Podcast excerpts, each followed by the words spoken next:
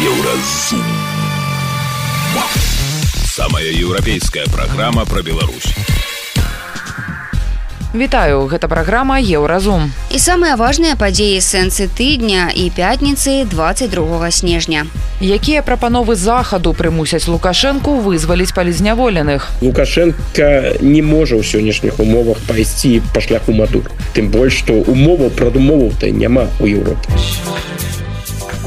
Беларуска ў празе. Упершыню за два гады патэліла маме, каб сказаць, што жывая. Бяспека на факультэце вельмі слабая. Мільёны калядных турыстаў і садсетка для панд. Іх норавы. У пандаў ёсць свая сацыяльная сетка. Пра гэта ды іншае больш падрабязна цягам бліжэйшай гадзіны. Еўразум жыві ў рытме Еўропы.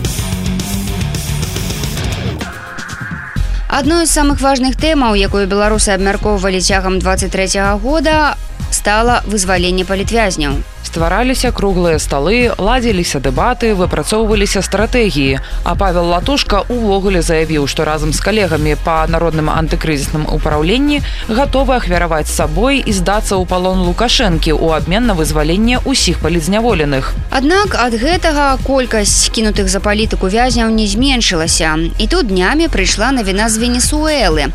Урад Мадуры, гэта сябра Лукашэнкі, заключыў здзелку са злучанымі штатамі Амерыкі, у выніку якой вызвалена 30 палітзняволеных, 10 з іх грамадзяне штатаў. Перамовы паміж дзяржавамі ішлі некалькі месяцаў. У абмен на зняволеных ЗША абяцалі змякчыць энергетычныя санкцыі. Венесуэла ў адказ на паслабленне абмежаванняў абавязалася правесці ў 24 годзе сумленныя прэзідэнцкія выбары. Аказваецца, так можна ці не ў нашым выпадку. Наш рэдактар зміцер Лукашук пагутарыў пра гэта з гісторыкам і палітычным аглядальнікам Александром Фрыдманам. Як вы лічыце наколькі верагодна вот шмат жа ж гаворак про то что ціск на лукашэнку не дапамог э, на э, вызваленне палітвязняў гэта не наблізіла але мы маем венесуэльскі кейс ці не адпаведны ціск ўсё ж таки прымяняўся дачыненне да лукашэнкаўскага рэжыма что тут не працуе пакуль что як вы ацэньваеце гэтую сітуацыю? Я бы падабенства гэтых кейсаў беларускага і венесуэльскага ўсё ж таки лічыў бы умоўным умовы іншыя.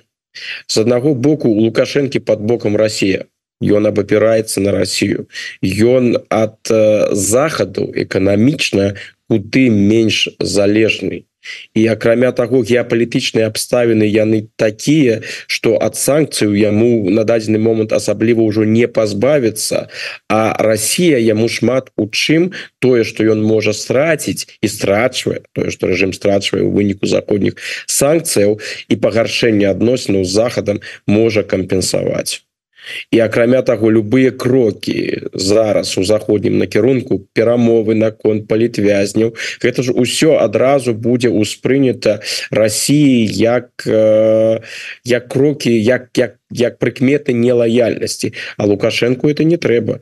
Ён жа назірае вось як зараз з расійскага боку кожны там момант у паводзінах армянскіх уладаў что яны там зачынілі с кім яны там сябруюць не сябруюць. Гэта ж адразу абмяркоўваецца ў Росіі і адразу пачынаюцца гэтыя размовы про пашыняна здрадніка іншае іншае іншае что вось нам трэба з ім разобрацца Ну навошта лукашенко лукашенко гэта патрэбу патрэбна ў сённяшніх умовах? Ён не можа так рызыкаваць. Так что ён і не пайшоў бы мне падаецца на нейкія такія сур'ёзныя перамовы умовы ну сур'ёзныя в том тым сэнсе такого глобального характеру як у не вынесуэлі не про вызвалення там одного двух трох паліт э, палітвязняў у венесуэле там іншы контекст. У венесуэле такого такого э, такой падтрымки як Беларусь атрымлівае ад России у мадура такой падтрымки няма.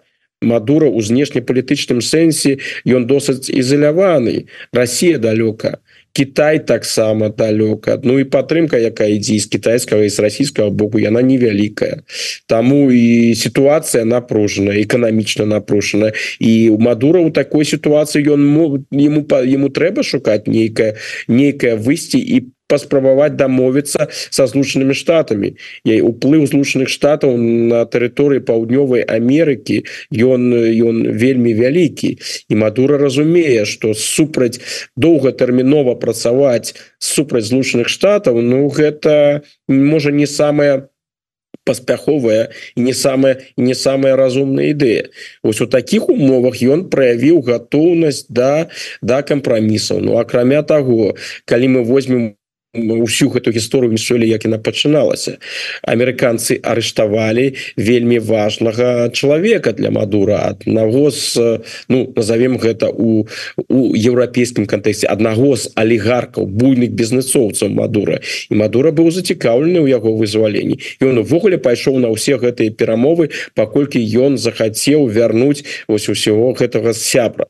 Ну іншае пытанне ён то яго навошта ён яго жадае так вярнуць? Ёсць інфа інфармацыя про тое что вось той самы сябр шмат чаго паведаміў амерыканцаў про дзейнасць режима мадура про сувязі мадура з іранам і іншае іншае іншае. Але гэты чыннік таксама адыграў сваю ролю. Так что сітуацыі яны шмат у чым не параўнальныя і лукашенко не можа ў сённяшніх умовах пайсці пайсці по по па шляху мадур тым больш что умоваў прадумоваў-то няма у Еўропе Працягваем размову з Александром Фрыдманам спадар Александр але я чытаў у пэўных таких ну можа яны 10 канспіралагічныя телеграм-каналы беларускія такого сегмента 10 сцвярджалася что перад выбарамі ці падчас выбараў ці пасля адразу гэтых так званых выбараў лукашенко вызваліць. Безумоўна размова не ідзе пра ўсіх палітвязняў бо іх у нас тысячи і гэта не толькі тыя 1500 про якіх кажуць праваабаронцы іх значна больш як мінімум 3000 а то і 5 але что нейкі працэс пачнецца вы верыце ў гэта давайте вот прогноз такі невялічкі зробім не не веру не веру на жаль не веру тому что я не бачу які для лукашэнкі сэнс это рабіць вызваляць просто просто вызваляць лукашенко з чалавек у гэтым сэнсе досыць прагматычны гэта цынічная абсолютно цынічная логіка ён разглядае гэтых людзей як свой ресурс які ёсць ён жадае за гэты ресурс нешта атрымаць А что ён сёння можа атрымаць хто яму готовы что прапанаваць заходні бок нічога яму прапанаваць не можа нейкая адмена санкцыяў не будзе ніякай адмены санкцыяў паколькі галоўныя санкцыі уводзіліся не за палітвязняў яны уводзіліся за удзел вайне в Украіне яны уводзіліся за справу протасевича і гэтак далей. Прапанаваць ему грошы не будзе ему захад прапаноўваць нейкія грошы. Іншых палітычных дывідендаў не бачна калі там яму скажуць вось я просто канструкцыю раблю ему скажуць вызвалі там пэўную колькасць людзей а мы пакуль не будем э, супраць цябе выдаваць ордер на арш не будзе рабіць гэта міжнародны крымінальны суд. Ну так для лукашэнкі гэта ж таксама не аргумент. Ён я думаю сыходзіць з таго что гэты ордер рано ці позна будзе ён хранічна захаду не давярае просто у сістэме коаардынат лукашэнкі не бачу на жаль не бачу чаму ён павінен пайсці пайсці на такі крок. Калі б напрыклад захад сказал еўразвяз сказал злучаныя штаты. Вось у беларусі столькі столькі палітвязняў і з гэтай прычыны мы уводзім такія-то і такія-то санкцыі Вось у гэты момант для лукашэнкі мела сэнс пачынаць спрабаваць пачынаць перамовы что вось я вызвалю столькі і столькі чалавек але вы гэтыя санкцыі не ўводзіце. Але яны не ўводзяць санкцыі з прычыны палітычных вязняў з прычыны рэпрэсію унутры краіны. Яны гэта робяць толькі тады калі рэжым гуляе на знешнім фронте Вось калі лукашенко пастры сітуацыю на мяжы пачне засылаць уцікачоў іншае. І сітуацыі паўтарыцца з гісторыя 21 года. Дык венгерскі прэм'ер Орбан ён будзе першы то прыйдзе скажа ну ўсё гэты хлопец заслугоўвае новых санкцыяў. За тое что ён зноў гуляецца з нелегальнай міграцыі за гэта ён павінен атрымаць новыя санкцыі лукашенко гэта зразумеў. Ён зразумеў і ён карыстаецца гэтым. Ён ведае что за рэпрэсіі унутры краіны так яны мяне будуць крытыкаваць яны мяне будуць асуджаць яны будуць казаць дрэнная палітыка яны будуць патрабаваць вызвалення палітвязняў что сапраўды заходнія палітыкі робяць ну, лукашенко для гэтага прызвычаюся ён не звяртае сёння ўжо нават увагі на гэта а іншых магчымасцяў надавіць яны их альбо не выкарыстоўваюцца ну па шчырасці асаблівых магчымасцяў то і няма. Але калі раней одна палітычная структура з дэмакратычных сілаў беларускіх казала про тое что ну трэба можа быть пачынаць перамовы с лукашенком с лукашэнкаўскім рэжымам трэба рабіць усё каб людзі выходзілі на свабоду трэба ратаваць людзей то апошнім часам таких галасоў усё больш. Маўляў давайте ўжо прызнаем что ён перамог по выніку нашу рэвалюцыю давайте прызнаем яго легітымнасць давайте звернемся до заходніх палітыкаў каб яны ўсё ж такі распачалі з ім нейкі дыялог. І тут два моманта. Як вы думаете спрацуе вот гэта здрадніцкая ў дачыненні да тых людзей якія выходзілі на пратэсты ў двадцатым годзе пазіцыі ці не? І ці прыслухаюцца заходнія палітыкі да гэтай аргументацыі Ну гэта гэта палітыка ізноў жа. Гэтыя прапановы яны яны бессэнсоўныя. Канешне я магу таксама прапанаваць прэзідэнту байдену каб ён патэлефанаваў мне і паразмаўляў са мной на палітычныя тэмы но ён гэта зразумела рабіць не будзе тому что ён абсолютно не зацікаўлены я ему не патрэбны тое ж самае у пэўным сэнсе з лукашенком. Вы можете прапаноўваць ему перамовы і ўсё что заўгодна ему гэта не трэба яму ўсё роўна на дадзены момант хто там яго асабліва прызнаеце не прызнае ён ведае сёння что нават калі б ён гэтага жадаў ён палепшыць стасункі з захадам не зможа праз праз расійскія ўплывы. Там усе гэтыя заклікі яны вялікага сэнсу сэнсу не маюць. Можна канешне звярнуцца до заходніх палітыкаў і сказаць ну вось глядзіце так вы там нейкія санкцыі якісьці ввялі за тое что там лукашенко парушаў у пачатку у двадцатым годзе 21 годзе мы выступаем за тое каб вы гэтыя санкцыі адмянілі. Ну вось адмяніце калі ласка гэтыя санкцыі і лукашенко можа там вызваліць кагосьці. Ну вот, калі мы паглядзім на гэтыя санкцыі гэта не тыя санкцыі якія лукашенко сапраўды так ужо пераскажаюць жыць. Так что я не думаю что ён пойдзе там на нейкія крокі. Так что гэтая пазіцыя яна дазваляе звярнуць да сябе ўвагу канешне калі ты палітык ты мусіш нешта прапаноўваць гэта твой абавязак як палітыка.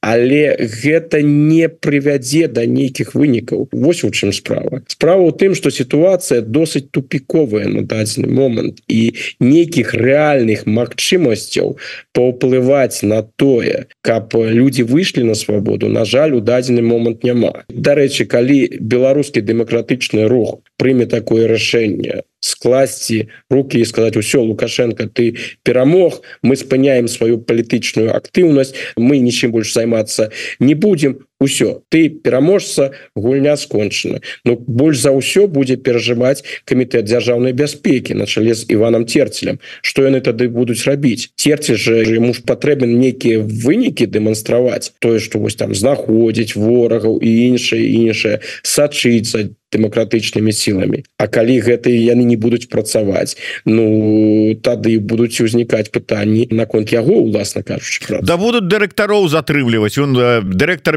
белаза пайшоў вон яшчэ шмат розных дырэктароў пачынаючы ад буйных прадпрыемстваў заканчиваючы дырэктарамі калгасаў. Гэта канешне можна але мне падаецца что і лукашенко і терцелю і усіму гэтаму атачэнню ім куды больш цікава шукаць там розных шпіёнаў агентаў захада і Украіны чым змагацца там з нейкімі дырэктарамі у эфиры еўрарадыо быў гісторык і палітычны аглядальнік александр фрыдман. Ён патлумачыў чаму захад нічым не дапаможа у вызваленні беларускіх палітвязняў. Еўразум. Беларусь у еўрапейскім фокусе. Далей у праграме еўразум. Беларуска ў празе. Упершыню за два гады патэліла маме каб сказаць што жывая. Бяспека на факультэце вельмі слабая мільёны калядных турыстаў і соцсетка для панд. Іх норавы. У пандаў ёсць свая сацыяльная сетка. Сустрэнемся пасля навінаў спорту. На еўрарадыё навіны спорту. у баскетбалісткі гарызонта чацвёрты раз заваявалі кубак беларусі. У фінале яны абыгралі мінск 77 67 самай выніковай у складзе гарызонта была анастасія верамеенко 24 ачкі. У баскетбалістаў мінска ў чэмпіянаце адзінай лігі втб чарговае паражэнне. Яны саступілі казанскаму уніксу 81 101 у мінчукоў гэта 18 паражэнне ў сезоне. у У чэмпіянаце НХл калгары, за які выступае ягор Шрангович выйграў у Анхайма 3-0 на рахунку беларускага хакеіста асістэнцкі бал. У Шаранговіча ўжо 20 ачкоў чарговы асіст і у Алексея Протаса. Вашынгтон абыграў у авертайме каламбус 3-2 у Протаса ў сезоне 15 ачкоў. Арына Сабаленко сёмая ў рэйтынгу самых высокааплатных спартсменак года па версіі часопіса Forbes. Беларуская тэнісістка зарабіла 14 мільёнаў 700 тысяч долараў. На першым месцы іга свёнтак з Польшчы ў яе амаль 24 мільёны. У першай дзясятцы акрамя тэнісістак ёсць адна фрыстайлістка Эйлінгу, якая нарадзілася ў ЗША, а выступае за Кітай. Футбольны клуб Барселона з наступнага сезону могуць адхіліць ад удзелу ў лізе чэмпіёнаў піша Вэлт. УЕФА падазрае яго ў парушэнні фінансавых правілаў, узгодна з якімі клубы абавязаны кампенсаваць выдаткі адпаведнымі даходамі. Санкцыі ў дачыненні барсы могуць дзейнічаць тры гады. Гэта былі навіны спорту на еўрарадыё. Заставайцеся з намі.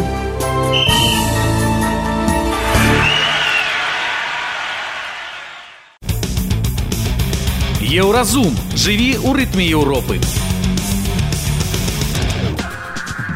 У дзень 21 снежня студэнт Карлава універсітэта адкрыў стральбу ў цэнтры прагі. Інцыдэнт адбыўся ў будынку факультэта філасофіі на плошчы Яна Палаха, гэта недалёка ад карлавага моста. Паліцыя ачапіла плошчу, туды нікога не пускалі. Студэнты і выкладчыкі забарыкадаваліся ў класах універсітэта, хаваліся на карнізе будынка. Гэтыя фота абляцелі сусветныя медыа. Пазней з'явіліся паведамленні пра смерць стралка. У паліцыі кажуць, што ён забіў 14 чалавек, параніў 25 і, імаверна, сам застрэліўся з драбавіка. 22 снежня у Чэхіі аб'яўлены дзень жалобы. Людзі нясуць кветкі да месца трагедыі, паліцыя высвятляе абставіны раёны грамадства ў шоку. Еўрарадыо пагутарыла са студэнткай з беларусі якая распавядае што цяпер адбываецца ў празе. Студэнтка паша джыжора беларуская палітычная актывістка жыве ў дзесяці хвілінах ад філасофскага факультэта карлава універсітэта дзе учора адбылася стральба. Упершыню за час эміграцыі паша патэлефанавала маці каб сказаць ёй што жывая. Спачатку быў шок. Калі я была дома ў бяспецы людзей якія вучыліся са мной з якімі мы разам праводзілі час забівалі і ранілі. Але я адразу ўзяла сябе ў руки і напісала ў беларускі студэнцкі чат. Са мной усё добра. І зрабіла публікацыю ў соцсетках я Окей а цяпер мы сабраліся з сябрамі каб дапамагчы адно адному ў гэты момант. Я спачуваю усім хто стаў ахвярай гэтай сітуацыі Предсвяточная прага ў гэты час вельмі прыгожая, таму пашы было асабліва цяжка адысці ад шока, калі яна пачула жудасную навіну. Пра трагедыю паша даведалася, калі зайшла павітацца з сябрам, што працую ў кавярні, але замест слоў прывітання ён агучыў ёй лічбу загінулых. У момант, калі мы спісваемся з беларускай студэнткай, вядома ўжо пра 15 загінулых і 24 параненых. Па папярэдніх звестках беларускіх студэнтаў не было ў будынку, калі адбылася стральба. Адзін з нашых суразмоўнікаў, дактарант філасофскага факультэта Карлава універсітэта Александр Паршанкоў, даведаўся пра трагедыю ад журналістаў. Я асабіста даведаўся пра сітуацыю, калі мне патэлефанавала э, журналіст з адной аднаго чэшскага выдання і спытала што адбываецца на факультэце. Тады я ўжо звязаўся з іншымі студэнтамі. Студэнцкія чаты былі напоўненыя проста фотаздымкамі і спробамі даведацца што адбываецца а сітуацыя была вельмі напружаная тому што ну быў была быў страх Таму што ніхто не ведаў, што сапраўды адбываецца. Спачатку проста была інфармацыя, што паліцыя пісалі ў чатах. пасля убачылі людзі, што э, людзі на даху універсітэта ўжо, то бок ратаваліся ад гэтых выбухаў. І, канечне, чулі страляніну. Вось гэтыя гукі яны ўсіх спужалі, а людзі, якія былі ў цэнтры, яны былі заблакаваныя тому что там ужо транспорт не ездзіў таму просто усе адчулі гэта. І канешне для чэхіі гэта просто небывалы ўзровень трагедыі за апошнія за апошнія гады. Філасофскі факультэт карлава універсітэта знаходзіцца ў самым цэнтры прагі і ніхто не мог уявіць што ў гэтым месцы можа адбыцца такая трагедыя. Эмоцыя адна шок. Шок і пошук. Проба сабе захаваць пытанне што што зрабіць каб просто ці ці гэта быў адзінкавы выпад ці гэта можа быць э, працягнецца і гэтак далей да? Што рабіць каб просто выжыць? Наш суразмоўнік кажа што сітуацыя з бяспекай на факультэце была не вельмі добрая. А, а, бяспека на факультэце вельмі слабая там ёсць э, вахта але ніхто не правярае на ўваходзе і ты можаш туды зайсці абсалютна з вуліцы туды можа зайсці любы чалавек. Не, няма ні турнікетаў ніхто не правярае дакументы кантроль вельмі вельмі вельмі слабы. Не ведаю што зменіцца але рэальна вось сітуацыя на сёння выглядае так такім чынам што абсалютна будова факультэта будынак факультэта прыступна даступна для любога. Але ж наша суразмоўніца паша кажа што нягледзячы на трагедыю яна і цяпер адчувае што яе факультэт пра яе паклапоціцца.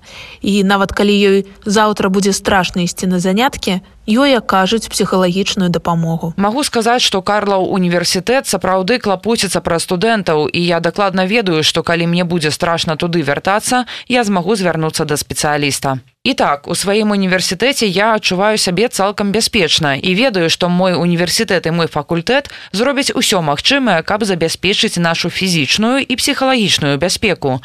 Я веру, што пра нас будуць клапаціцца і таму мне не так страшна. Нават калі мне будзе занадта цяжка мой ВНУ мяне не кіне і дапаможа. Інфармацыйная служба еўрарадыё. Еўразум. Беларусь у еўрапейскім фокусе. Далей у праграме еўразум. Мільёны калядных турыстаў і соцсетка для панд іх норавы. У пандаў ёсць свая сацыяльная сетка. Сустрэнемся пасля навінаў шоу-бізу.